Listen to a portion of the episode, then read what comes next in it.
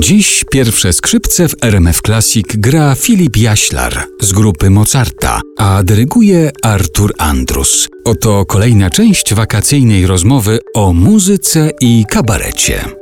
Co się dzieje z muzykiem, konkretnie ze skrzypkiem, kiedy zbliża się ten moment wyjścia na scenę i on zdaje sobie sprawę z tego, że to jest bardzo trudny moment, że dużo od tego momentu zależy. Chodzi mi o fizyczne przejawy paraliżującej tremy. Tak, no, biegłość poruszania się po gryfie w moim przypadku jest ograniczona przynajmniej o 40%. Jeżeli próbuję zagrać długą nutę, to moja prawa ręka drży i co się przekłada na smyczek i nie jest jeden płynny dźwięk, tylko tyk, dyk, dyk, dyk, dyk, dyk, dyk, dyk.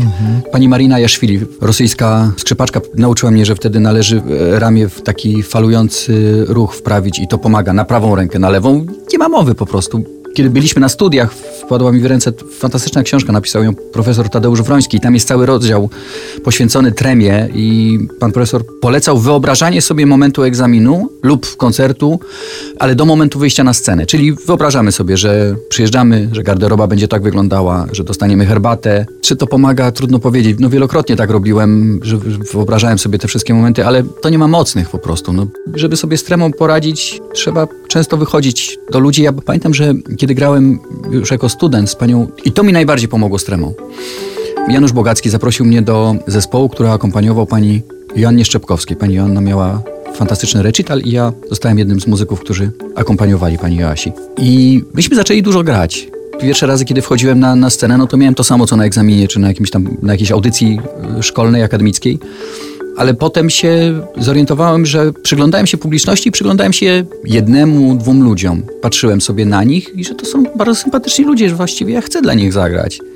Pani Jasiu, ja chyba nigdy pani tego nie powiedziałem, ale bardzo pani dziękuję, bo to, że ja mam tę biegłość ograniczoną o 40%, a nie o 80% teraz, to myślę, że to jest zasługa tego, że mogłem z panią pracować. Bardzo miło ten czas wspominam. A chciałbym, żebyś sobie przypomniał te takie momenty, kiedy ta biegłość była najbardziej ograniczona, momenty największego stresu w Twoim zawodowym życiu przy wychodzeniu na scenę.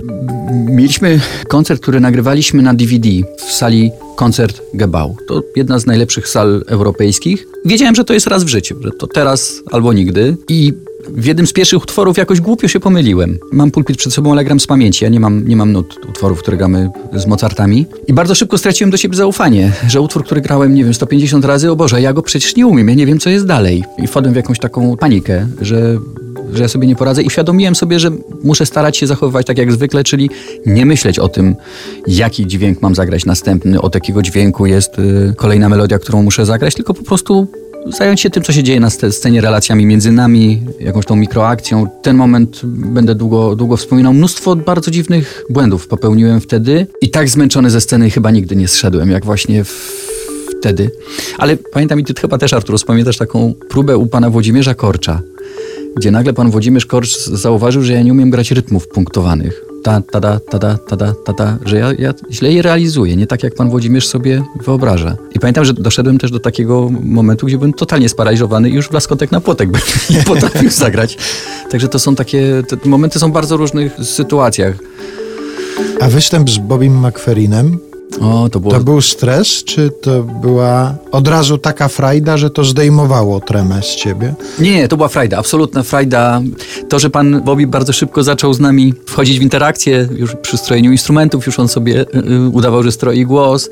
To była trasa pana Bobiego, w której pan McFerrin miał zagwarantowane w umowie trzy lub cztery niespodzianki, które miały go spotkać na, na widowni. Tam na którymś koncercie wjechał peloton kolarzy, a myśmy byli w zastępstwie chyba zespołu Mazowsze. Z tego wszystkiego, co myśmy sobie wymyślili wcześniej, najfajniejszym był, był moment, kiedy po prostu pan McFerrin poprosił, żebyśmy my mu zaakompaniowali ten utwór Carlosa Jobima Samba na jednej nucie i on to zaczął po prostu sobie śpiewać z naszym akompaniamentem. To będę wnukom pokazywał.